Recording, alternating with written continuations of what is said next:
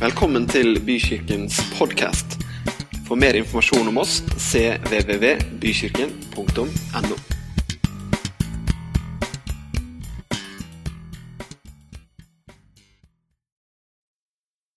Det er så bra å komme sammen, syns jeg. Det var noen som spurte meg for, en, eh, for et par dager siden hvorfor i all verden har dere gudstjeneste allikevel.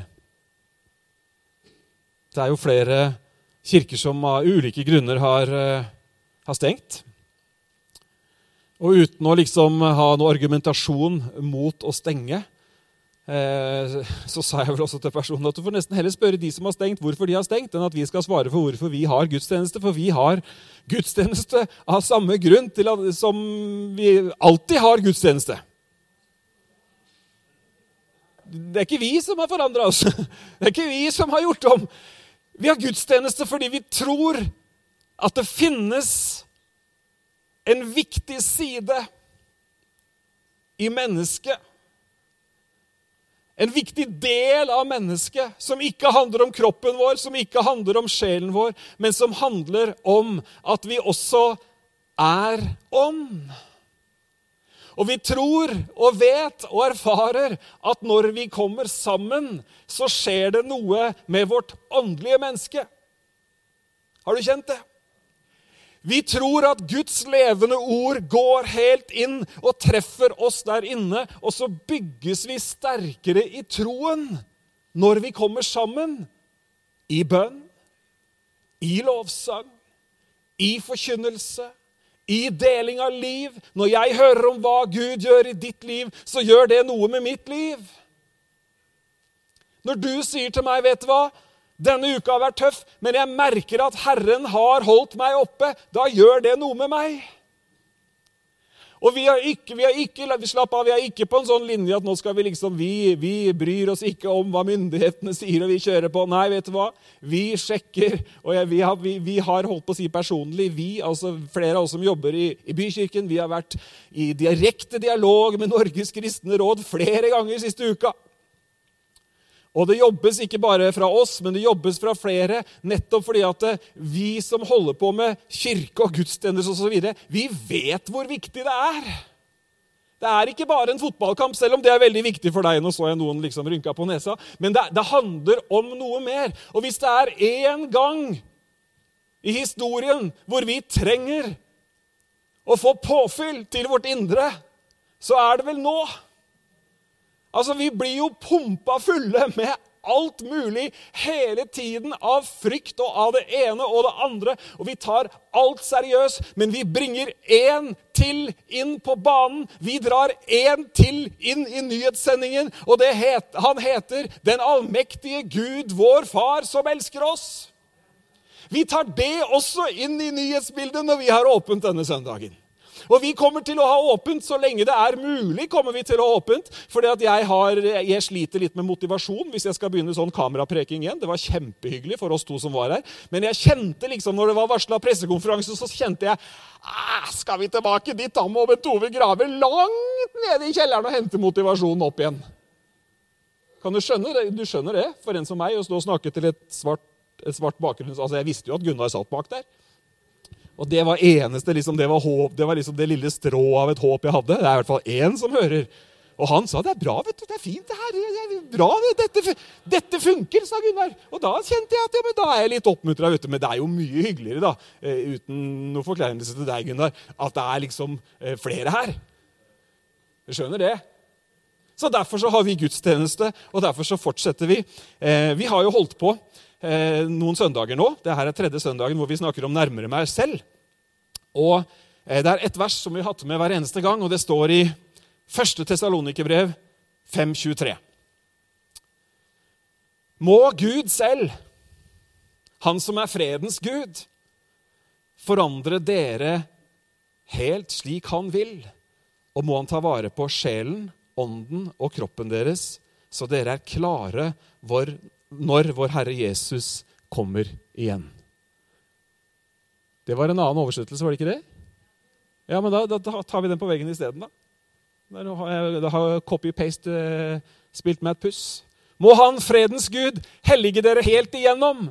og må deres ånd, sjel og kropp bli bevart uskadet, så dere ikke kan klandres for noe når vår Herre Jesus Kristus kommer. Trofast er Han som kaller dere til dette. Han skal også fullføre det. Du vet, Nå skal ikke jeg preke de to siste søndagenes preken en gang til, for de kan du finne på nettsiden vår hvis du, hvis, hvis du, vil ha med deg de.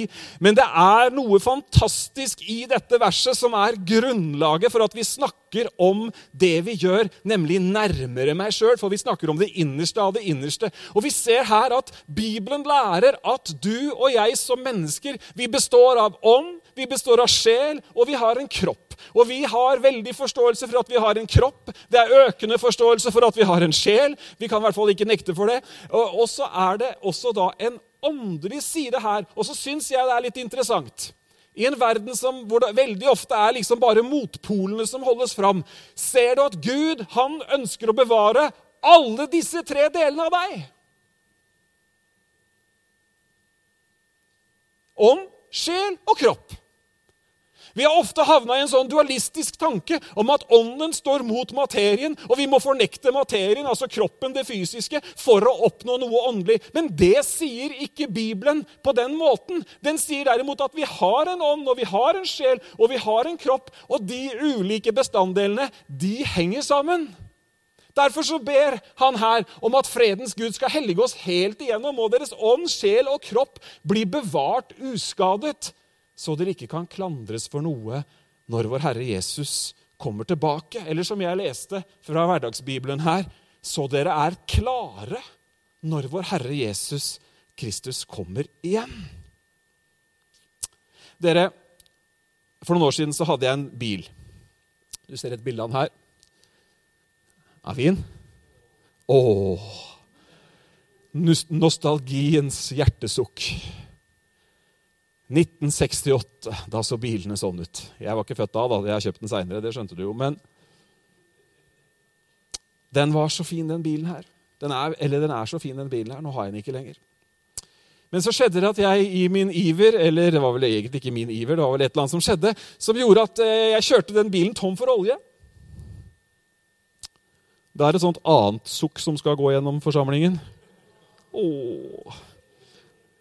Kan vi ikke lukke øynene og rekke opp hånda hvor mange har kjørt en bil tom for olje? Ja, det var ikke Å! Herren velsigne deg. Fanta, det var ikke bare meg. Jeg har gjort det to ganger, jeg. Hvor mange har gjort det to ganger? Nei, kom igjen, da. Få én support. En. Nei, ingen har gjort det to ganger. Ok, Men den ene gangen var det ikke min skyld. altså.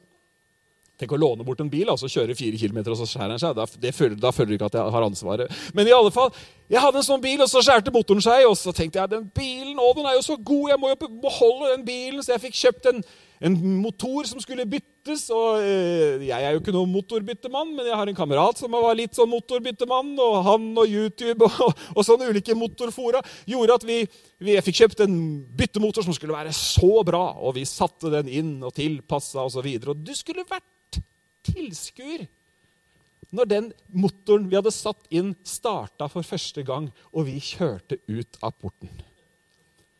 Altså, snakk om fryd og glede i guttungehjertet, altså. Vi, vi, hylte av fryd. Det var sånn, vi hylte, yes, ja!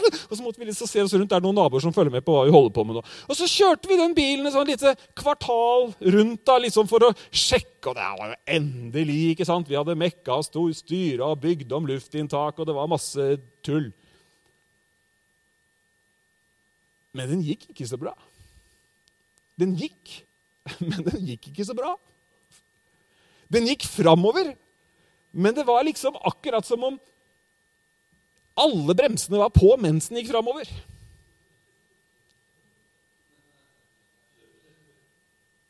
Noen som vil stille diagnose? Og det var liksom sånn Gleden over å jo ha en fin 68 boble, men som ikke gikk framover. Liksom. Det var en sånn delt glede. Motoren er på plass. Den var egentlig litt for dyr til å være byttemotor, og den hadde nesten ikke gått noe, for den hadde stått på uh, Sivilforsvarets et, en eller annen pumpeopplegg. ikke sant? Og, og var, men den gikk ikke helt framover. tenkte jeg, ja, ja, hva er det? Vi fant ikke helt ut hva det er. Jack var jo med og skrudde litt en dag, vet du, og vi tok av hjul og sjekka. Liksom, det, det gikk ikke helt bra. den gikk liksom bare på noen sylindere. Så skulle jeg jo selge dette her prosjektet. For du vet, når du har holdt med, på, med, et prosjekt lenge nok, så vil du jo prøve å selge det. Så han kjørte av gårde da med den bilen. Jeg fikk jo bare halvparten av det jeg skulle. for Det var jo et eller annet som var gærent, den var jo en sylinder som ikke han gikk på osv. Og, så og han skulle kjøre denne bilen til Drammen eller Hokksund eller et eller annet, og han hadde liksom satt av et par dager for å komme fram. For han trodde det var billigere enn å eh, bruke transport. Men det var liksom sånn han gikk på tre av de fire sylinderne, da. Sånn cirka. Og så tenkte jeg Noen ganger så er det litt sånn at hvis, hvis vi som mennesker også bare har fokus på Nå har ikke vi fire sylindere, da, men hvis du følger bildet, så har vi tre. da. Ånd, sjel og kropp. Så kommer vi oss kanskje gjennom livet, spørs litt hvordan du definerer livet, men vi kommer oss gjennom hverdagen både med kroppen vår og sjelen vår osv. Men vi vil alltid mangle det siste som skal til for at vi blir det mennesket Gud har skapt oss til å være. Du kan leve livet fysisk, og du har sjelen kobla på, osv. men inntil Gud er kobla på i livet ditt, inntil du er født på ny, inntil din ånd blir levende, så vil du ikke ha det åndelige livet levende, og du går litt sånn på to tredjedeler. Jeg syns det er fantastisk at Gud har satt oss sammen sånn som han har satt oss sammen. Tenk at vi er skapt med en kropp, dere. Tenk at du har en kropp, faktisk. Tenk på alt det fantastiske du kan gjøre med kroppen din.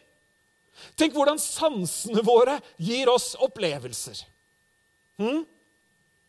Et godt måltid. En storslått utsikt. En vakker solnedgang. Nydelig musikk. Gode ord. Lyden av fuglesang. Hm. Kjærlig berøring. Nærhet som varmer og leger sår. Lukten av nykverna kaffe. Duften av blomster en sommerdag. Det er fantastisk. Er du ikke enig i det? Det er helt nydelig. Tenk, tenk, at det er vi i stand til å sense og ta inn. Og faktisk så er det nettopp det vi gjør. Vi tar det inn. Det er noe mer enn en fysisk, sanselig opplevelse. Det rører oss langt inn i sjelen. Det berører oss på dypet. Og det kan ha terapeutisk effekt på livene våre hvordan kroppen vår har det, hva sansene våre tar inn, og hva det gjør med oss, er med på å definere hvordan vi har det. Men så er det sånn som menneske så er det ikke bare storslåtte soloppganger eller gode ord som treffer oss. De samme sansene som formidler gode ting og tar de gode ordene og opplevelsene inn i sjelen, de samme sansene formidler også ondskap. De gjør vondt. De skader. Og vi står igjen med sår som ikke kan fikses med noen sting eller en salve, men som stikker oss langt inn i sjelen. Sjelen, det egentlige jeg, den delen av oss som ikke syns på et bilde. Vårt indre vår personlighet, som ikke engang røntgenbildet avslører. Det er den delen av oss som treffes. Og så opplever vi å ha det vondt, eller ha det godt, eller ha det vondt og godt. Vi har en kropp, og vi har en personlighet. Og vi er glad for at når kroppen ikke har det så bra, så finnes det leger og så er vi klar over at det er ikke bare næringsstoffer i form av god fordeling på en tredelt tallerken som avgjør hvordan vi har det, men også hvordan vi har det på innsiden. Og Så ser vi at i et land som Norge, hvor vi kan si at levestandarden er høy, og hvor vi kan si at vi stort sett har det vi trenger, så viser også statistikken at vi ikke har alt vi trenger, fordi vi topper ikke statistikker på sult, men vi topper statistikker som har med psykisk helse å gjøre. Hvordan har vi det? Hvem er vi? Hvordan møter vi livet? Og da er vi glad, akkurat som vi er glad for legene kan hjelpe oss med kroppen, så er vi glad for at det finnes psykologer. Så setter mange strek der. Vi prøver å få en eller annen balanse mellom de to. Og du vet, vi hadde jo, har jo, Dere har jo sett en del av min garderobe de siste søndagene.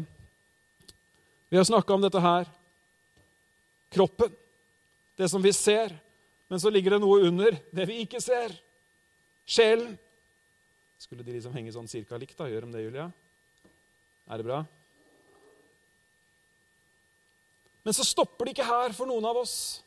Egentlig. Mange tror at det stopper der. Man setter fullt trykk inn på å ha alt man kan ha, oppleve alt man kan oppleve, og at det skal bygge selvbilde, realisere seg selv, være nok for seg selv osv. Men så blir det ikke kraft på motoren, om du vil. Det blir ikke full sving på sakene fordi at vi er skapt med en ånd. Vi er skapt med vårt innerste jeg, som er skapt med en hensikt, nemlig å la seg fylle av Gud. Han skapte mennesket, står det. Av jorda skapte han, han formet det. Men hva gjorde han til slutt? Han blåste sin ånd inn i mennesket, og det ble levende, står det i Bibelen. Det ble levende. Levende var det jo allerede fysisk, men det ble levende, sånn som det var ment å bli skapt. Vi er ikke bare fysikk, vi er ikke bare sjel. Vi er ikke bare konsumenter, vi er ikke bare det vi ser.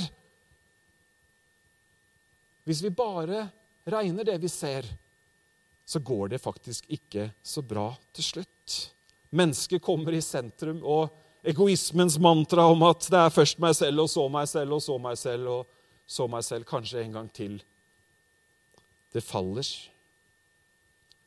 Og så er det undertonen av det vi opplever i så mange brutte relasjoner, i så mange fortvilte oppbrudd og i så mange andre konflikter. Midt oppi materialismens storhet og selvopptattens høyborg, så syns jeg Ole Paus sier det så utrolig treffende. Vi har alt, men så er det også alt vi har. Men du vet hva jeg er veldig glad for? Du har skjønt at jeg ofte er glad? Vet du hva jeg er veldig glad for? Jeg er så glad for at Gud han har ikke satt strek der med at det dreier seg om kroppen vår og sjelen vår osv. Nei, Bibelen sier at det finnes noe mer. Det sier at Han har kommet med sin ånd inn og gjort oss levende. Han har invitert deg og meg inn i en relasjon med seg selv. Kan du tygge litt på det? En relasjon. Et forhold. Nærhet. Fellesskap kommunikasjon, eksistens sammen. Relasjon med Gud. Og jeg tror at det er et, faktisk et lite problem at vi ofte ikke egentlig har satt oss ned og tatt inn over oss hva dette egentlig innebærer for våre liv. Jeg har lyst til å dele noen eh, korte bibelvers med dere eh, i dag, og så skal vi på slutten av prekenen dele nattverd sammen. Men la oss se på et vers det, som står i 1. Korinterbrev 2.12.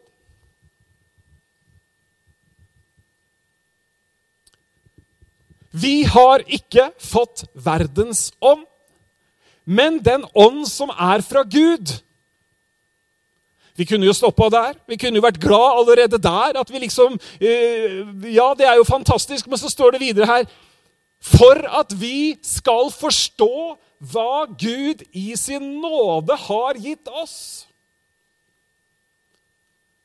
Vi har fått Guds ånd, ikke verdens ånd. Når du ble født på ny, så skjedde det en forvandling. Ikke en justering, men det skjedde en forvandling inne i ditt innerste jeg. Din ånd ble levende. Dere husker historien om Nikodemus. Han prøvde å finne sin egen vei inn i dette, men Jesus sa det veldig klart og tydelig at du må bli født på ny hvis du skal se Guds rike.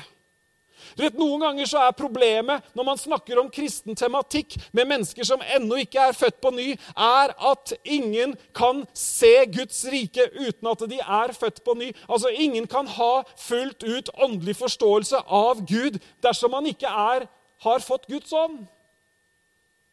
Er du med på tanken? Det er vanskelig å diskutere med noen på et språk du ikke forstår. Finn deg en spanjol og dra fram tysken fra grunnskolen. Kommer ingen vei. Og du vet, Sånn er det også når vi snakker om åndelige ting med mennesker som ikke har Guds ånd, som ikke er født på ny. Så vil det være en veldig stor utfordring. På samme måte så er det en veldig stor utfordring hvis jeg nå bare var en eh, velutdannet teolog. Eller la oss si jeg var et eller annet annet akademisk. Og hadde liksom noen av begrepene inne innenfor teologi. Kanskje jeg hadde studert litt religionsvitenskap, kanskje jeg hadde gjort det ene og det andre. Men jeg hadde sjøl ingen tro, jeg hadde ingen relasjon med Gud. Henger du med? Da er det veldig vanskelig for meg å forstå dybdene i Gud. For dybdene i Gud kan bare forstås dersom du har Guds ånd på innsiden. For du forstår ikke Gud intellektuelt. Du forstår Gud åndelig, for Gud er ånd. Den som tilber Gud, må tilbe Han i ånd og sannhet. Og da blir det veldig vanskelig for oss, eller for den, å forstå egentlig hva Gud er. Hva han har gjort. Hva er dybden av det? Vi kan ha vår menneskelige forklaring på tilgivelse. Vi kan forstå ordet forløsning. Vi kan eh, forklare teknisk hva rettferdiggjørelse er. Men Gud sier at han har gitt oss sin ånd, ikke verdens ånd, for at vi fa faktisk skal forstå og erfare hva han har gitt oss. Og bare det er et interessant punkt. fordi at Gud er ikke en gud som vil sitte med kortene tett til brystet, håpe at vi klarer oss på det lille vi har lest. Han er liksom ikke fornøyd når vi har kommet oss gjennom Johannes 3, 16 og syns at julehistorien er ganske søt. Nei, Gud åpner sitt hjerte, for vi er skapt til å kommunisere med Han. Og Så åpner han sitt hjerte, og så ønsker han at vi skal forstå hva Han har gitt oss ved sin nåde. I, i, I, profeten Hosea kapittel 4 vers 6 så er det en setning som forklarer dette veldig bra. Der står det at 'mitt folk går til grunne'. Det er Herren som sier dette. 'Mitt folk går til grunne på grunn av mangel på kunnskap'. I en annen oversettelse så står det 'på grunn av mangel på åpenbaring'. Og det er ganske interessant, fordi at Gud ønsker at du skal forstå hvem han er, og hva han har gitt deg. Ikke som en intellektuell overføring av kunnskap, men som en åpenbaring, hvor din ånd tar imot det som er fra Guds ånd, fordi det er Guds ånd som er i deg. Henger du med? Det er noe helt annet enn å ha tørr teori. Det er nemlig at Guds liv Guds Alt det Gud har gitt oss, blir overført til oss. Og så skaper det noe i hjertet vårt. Det skaper en tro. Troen kommer av forkynnelsen, og forkynnelsen kommer av at vi hører Guds ord. Derfor har vi gudstjeneste, fordi vi tror at når Guds ord forkynnes, så skjer det noe i den gjenfødte ånden som tar imot Guds ord, og så skaper det tro. Og tro er ikke å håpe på det beste. Nei, tro er full overbevisning om det vi ikke ser. Amen. Så Derfor så er det så utrolig viktig at vi snakker om kroppen. At vi, at vi, tar, oss, at vi tar, tar, hånd om kroppen. Det er viktig at vi erkjenner sjelen osv. Men det jeg slår et slag for i dag, siste del av Nærmere, nærmere meg selv 3, det er at du og jeg må forstå hva Gud allerede har gitt oss. Og Det er også veldig interessant i dette verset her. For her, Nå forsvant verset. Skal vi se om vi får det opp igjen. For at vi skal forstå hva Gud i sin nåde skal gi oss. Står det det? Nei, det står hva han har gitt oss. Og her er vi inne på en særdeles annen viktig del av den kristne tro, nemlig at Jesu Kristi verk på Golgata er fullført. At han har gått inn én gang for alle, sier hebreerbrevet, og funnet en evig forløsning. Vi må forstå hva han har gitt oss. Hm. Jeg har fått Guds ånd. Kan du ikke si det til deg sjøl, stille der hvor du sitter? Ikke for at vi skal ha noe sånn talekor her, men smak på setningen. Smak på beskrivelsen av hvem eller hva du som har tatt imot Jesus, egentlig har fått. Jeg har fått Guds ånd.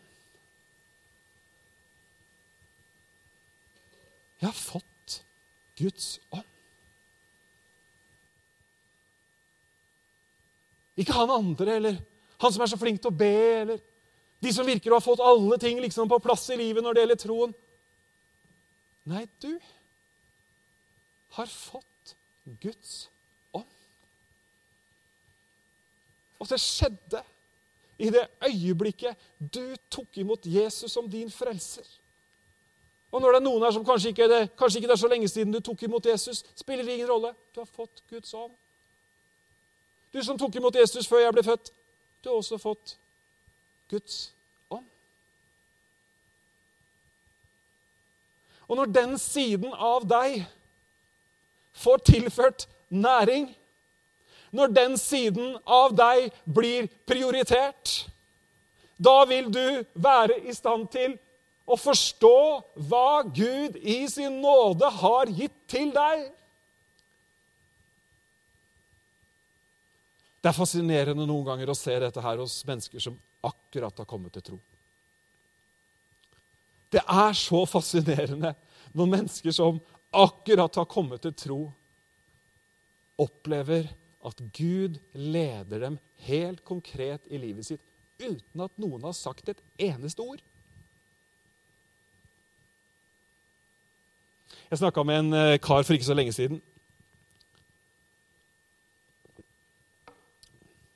Han hadde tatt imot Jesus, og så var jeg på besøk hos han. og så, Det her var, var noen måneder etter han hadde tatt imot Jesus. og så satt vi der og prata, så fortalte han liksom litt om hvordan, hvordan livet hadde blitt annerledes. da. Ja, hva mener du da? Nei, det var, noen, det var noen endringer han hadde gjort. Ok, interessant. En av endringene, og Nå er dette ikke et innlegg i noen som helst debatt, og jeg sier ikke noe i det hele tatt, men en av de tingene som han hadde opplevd at han skulle gjøre praktisk i sitt hjem, det var at han skulle fjerne spriten. Nå snakker jeg ikke om håndspriten. Må jo, man må jo alltid være tydelig på det, nå, for vi har, jo, vi har jo alle fått et nærmere forhold til sprit. Jo, men så, hør her, så ble jeg, da, fordi jeg jobber jeg ble litt sånn nysgjerrig. Ja, Hvem er det som har sagt det, da? Ingen som har sagt det. Nei, han opplevde inni seg at for han Hør hva jeg sier. For han så representerte spriten i barskapet en side av livet som han ikke lenger regna at var en side ved livet. Hvorfor? Jo, fordi at Guds ånd hadde gjort det tydelig for han. Men slapp av. Du ble redd for spriten din nå. Skal du få en annen historie? En mann som hadde vært predikant og pastor i halve livet sitt. Han så endelig fram til å bli pensjonist. Og Det skal ikke ha noe bekjennelse av hvem som ser fram til det, men noen ganger så syns jeg det høres ganske deilig ut. for å være ærlig. Endelig kunne denne mannen realisere en drøm. Han som hadde brukt helger og kvelder hele livet på Guds menighet osv. Nå, nå kjøpte han seilbåten, og nå skulle det jammen seiles. Dette her forteller han i et langt intervju. Du kan finne det sjøl. Og så har han den seilbåten. Jeg tror han har, har den et par år. Ja. Men så innser han jo én ting, da. Han innser at altfor mange helger ryker. Altfor mange muligheter til å treffe folk ryker, osv. Så, videre. så opplever han at inni her Og ingen har sagt noe. Tvert imot så har alle sagt noe. De unner han dette. vet du, ja, Nå skal du hvile på laurbærene. vet du. Det er forresten ikke så mye laurbær i den bransjen, men nå skal du nå skal, du, nå skal du i hvert fall hvile, liksom. Nå skal du nyte pensjonisttiden. Men mannen får ikke fred. Ikke fordi noen har sagt noe, og heller ikke fordi han, han snakker til og med med gode venner om det, for han liksom er det samvittigheten som spiller med puss. Men han kjenner at det finnes noe på innsiden av han som sier noe annet. Og så selger han båten. Og så ble det svaret for han, Og så opplevde han at han hadde veldig mye mer å gi, selv om han var blitt pensjonist.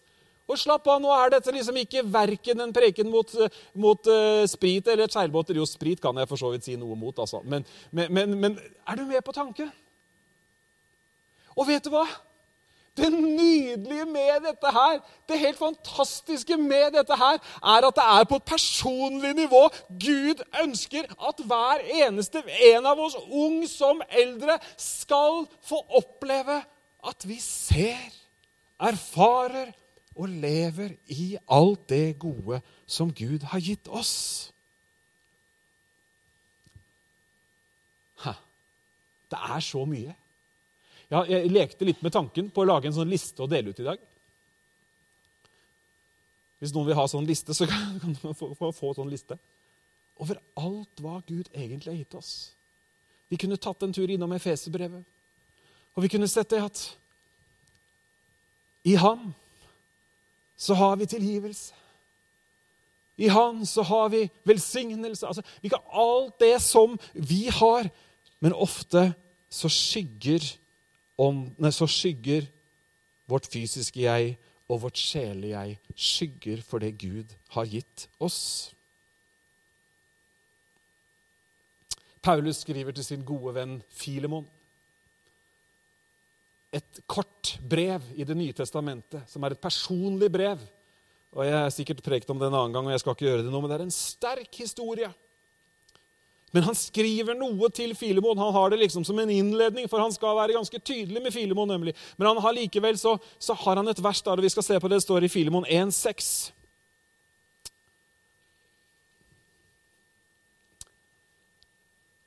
Han ber for Filemon, og han sier jeg ber om at den tro du har felles med oss, må være virksom og gi deg større innsikt i alt det gode vi har i Kristus. Den troen som vi har felles, dere. Vi bekjenner jo både den ene og den andre trosbekjennelsen. Men jeg ønsker å si uten at jeg bedømmer noen på noen som helst måte, så ønsker jeg å si at jeg tror virkelig at vi er mange her, og jeg inkluderer meg selv, som kan trenge større innsikt. Større dybder, mer åpenbaring over hva Gud faktisk har gitt oss. Amen. Når vi får tak i hva Gud har gitt oss, så blir det en del av den, den, den tredelte, det tredelte mennesket vi er, som utgjør en forskjell. La oss ta koronatiden nå som et eksempel. En ting som mange mennesker opplever Jeg har stor respekt for det, men mange mennesker opplever frykt. Man er redde. Og Bibelen sier ikke at vi eh, skal fornekte det på, på, noen som helst måte. Det er ikke sånn 'Å, hvis du har frykt, så gå hjem deg og ikke si det til noen'. Nei, men Bibelen sier faktisk at midt i en situasjon hvor frykten kommer, så sier Bibelen det finnes også en ting til du kan ta inn på tallerkenen. Og det er troen på Gud. Troen på at det finnes en som holder sin hånd over oss. Har vi den troen? Nå fikk den troen din litt næring. La ikke hjertet bli grepet av angst, sier Jesus. La ikke hjertet bli grepet av angst. Og Det er som om han gir oss en sånn oppfordring og gir oss en sånn, eh, under, et budskap midt i det, liksom, som om, som om vi kan sperre hjertet fra å bli grepet av angst. Og så kommer han egentlig med kuren og sier, 'La ikke hjertet bli grepet av angst, men tro på Gud og tro på meg'. Vi trenger det. Vi trenger det. Ikke som en fornekting av fakta, men som et element inn som nemlig faktisk kan utgjøre forskjellen i livet. For da kan du gå gjennom koronatiden og oppleve at tallene stiger og frykten er stor. Men på en eller annen måte så er du bevart i det, og det har liksom ikke tatt av i din tankespinn i det hele tatt. Ikke sant? Er du med? Mange har opplevd dette når det gjelder fred på andre områder i livet. Det kanskje stormer på mange ulike måter, men på en eller annen finurlig måte så opplever troende mennesker seg ivaretatt, selv om det stormer på alle sider. Jeg har snakka med så mange mennesker som har gått gjennom så tøffe ting i livet. Og så er de ærlige på at det er tøft, men så er de også ærlige på at men det er som om noe bærer meg. Jeg snakka med en gang. Han sa jeg, jeg følte meg båret i flere måneder. Og han måtte si 'Jeg skjønner det ikke sjøl'. Og det skjønte ikke de rundt han heller. Det skjønte ikke leger, det skjønte ikke venner. Hvordan er det mulig? Jo, fordi at jeg har fått Guds ånd.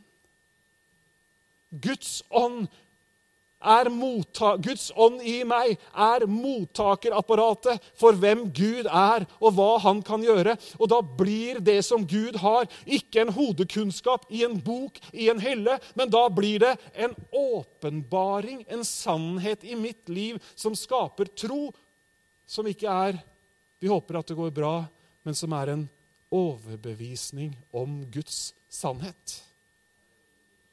Dette er viktig. Dette er kjempeviktig. Så ofte så havner vi et eller annet sted hvor ikke vi aner hva Gud sier om det, eller hva som egentlig er fakta. Husker dere den, den bortkomne sønn? Mange, hvor mange har historien sånn passe inne? Så jeg bare spør meg, så ikke jeg må lese hele. Ja. Gi meg min del av arven! Den kan vi vel kjenne oss i noen, noen, noen, noen hver. Jeg har hørt noen som, noen som får mye arv, som klager på at de får det altfor seint. Jeg syns heller man skal klage hvis ikke man får noe arv. Men han er der, ikke sant? Gi meg det som er mitt. Og så kjenner vi historien. Ikke mange dagene etter at han har fått det, så drar han dit han vil, og så gjør han det han vil. Penger har han, populær blir han. Men det tar slutt. Materialismen tar slutt. Mye vil ha mer, og mye vil ha mer, men så er det til slutt ingenting som skjer allikevel. Og så havner han dere kjenner historien, så havner han da hos noen som bor i det landet det langt der borte. Vi får ikke engang vite hvilket land det er. Men så havner han hos noen der som i hvert fall har litt barmhjertighet, og som gir han en jobb, sånn at han ikke nødvendigvis tjener så mye, men han får i hvert fall sin del av grisematen og overlever. Men så skjer det noe der, midt i den historien, som er utrolig interessant. For akkurat der, når kroppen har møtt sin ende, for å si det sånn Han er sulten, han er møkkete, han bor sammen med grisene. Så skjer det noe i sjelen hans. Følelsene, viljen, intellektet. Plutselig så er det akkurat som det dropper et bilde inn i hodet hans. Og så tenker han ja, men hallo! Til og med tjenerne hjemme hos pappa har det jo bedre enn det her. Og så sier han til seg selv, bruker han viljen sin, og så sier han, 'Jeg vil' Skal vi se, vi har, det, vi har, vi har, vi har litt av historien her, har vi ikke det? På veggen. Da kom, da kom han til seg selv og sa, 'Hvor mange leiekarer hjemme hos min far har ikke mat i overflod, mens jeg går her og sulter i hjel?' 'Jeg vil bryte opp og gå til min far og si:" Far, jeg har syndet mot himmelen og mot deg. Jeg fortjener ikke lenger å være sønnen din, men la meg få være som en av leiekarene dine. Dermed brøt han opp og dro hjem til faren. Da han ennå var langt borte, fikk faren se han, og han fikk inderlig medfølelse med han. Han løp sønnen i møte, kastet seg om halsen på han og kysset han. Sønnen sa Denne setningen hadde han gått og øvd på hele veien, tror jeg. da. Det står ikke, men jeg er sikker på at han hadde tenkt jeg sier dette. Så får jeg kanskje plass på brakka. Jeg har syndet mot himmelen og mot deg. Jeg fortjener ikke lenger å være sønnen din. Men faren sa til tjenerne sine, skynd dere, finn fram de fineste klærne og ta dem på han. Gi ham ring på, ring på fingeren og sko på føttene, og hent gjøkalven og slakt den, så vil vi spise og holde fest. For denne min sønn var død og er blitt levende. Han var kommet bort og er funnet igjen. Og så begynte gleden og festen. Halleluja. Det slo inn et bilde i denne sønnen, tror jeg. Et bilde som finnes hos alle mennesker.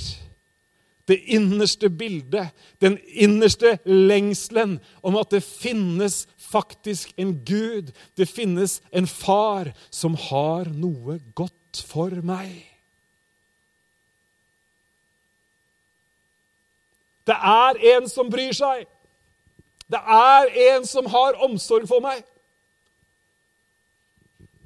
Det bildet gir han kraft i sjelen.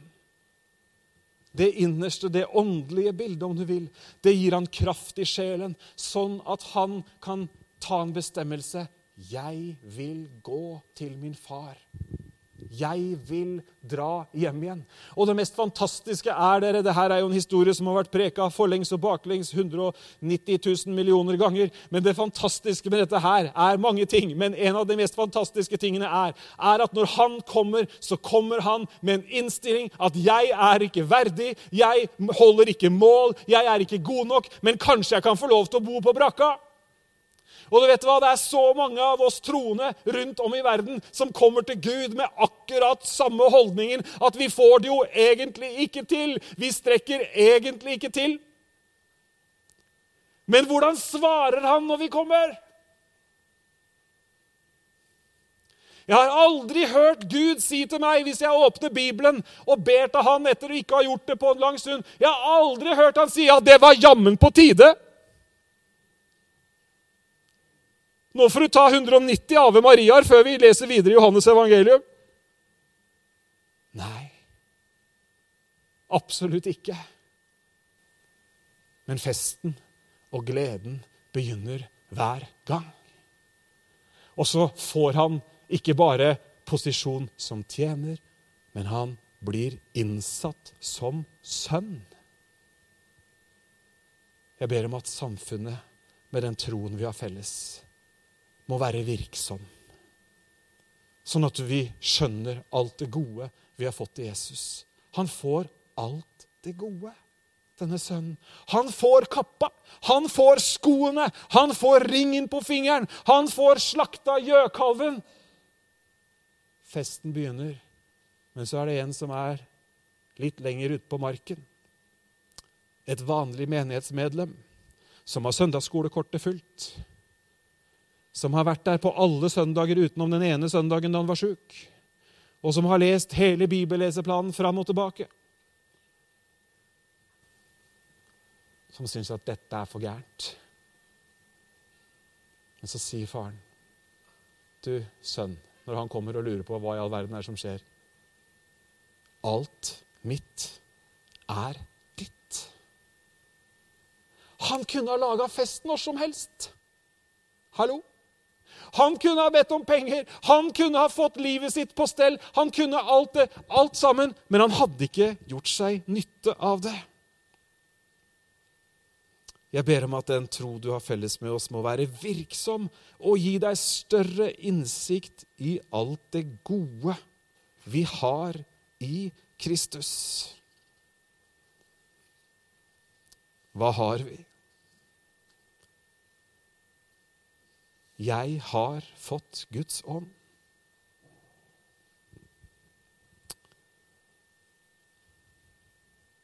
Jeg skal lese et vers, og så skal vi dele nattverden sammen. I 3. Johannes brev så står det et fantastisk vers. Han skriver til Gaius, som er syk. Og så sier Johannes, og du får de to versjoner her, for jeg syns hverdagsbibelen her også var kjempefin. Min kjære, jeg ønsker at du på alle vis får være frisk og ha det godt, like godt som du har det åndelig. Jeg elsker deg virkelig og ber om at du, min kjære, på alle måter skal ha framgang og god helse. Måtte du ha det like godt helsemessig som du har det åndelig. Johannes minner vennen sin på. Paulus minna vennen sin på at åndelig så har du det bra. Gud har tatt hånd om deg. Og når det, når den delen av livet blir belyst, får tyngde og får plass, så vil det også prege de to andre delene. Vi skal nå dele nattverden sammen. Jeg må si jeg er glad for at vi kan gjøre det.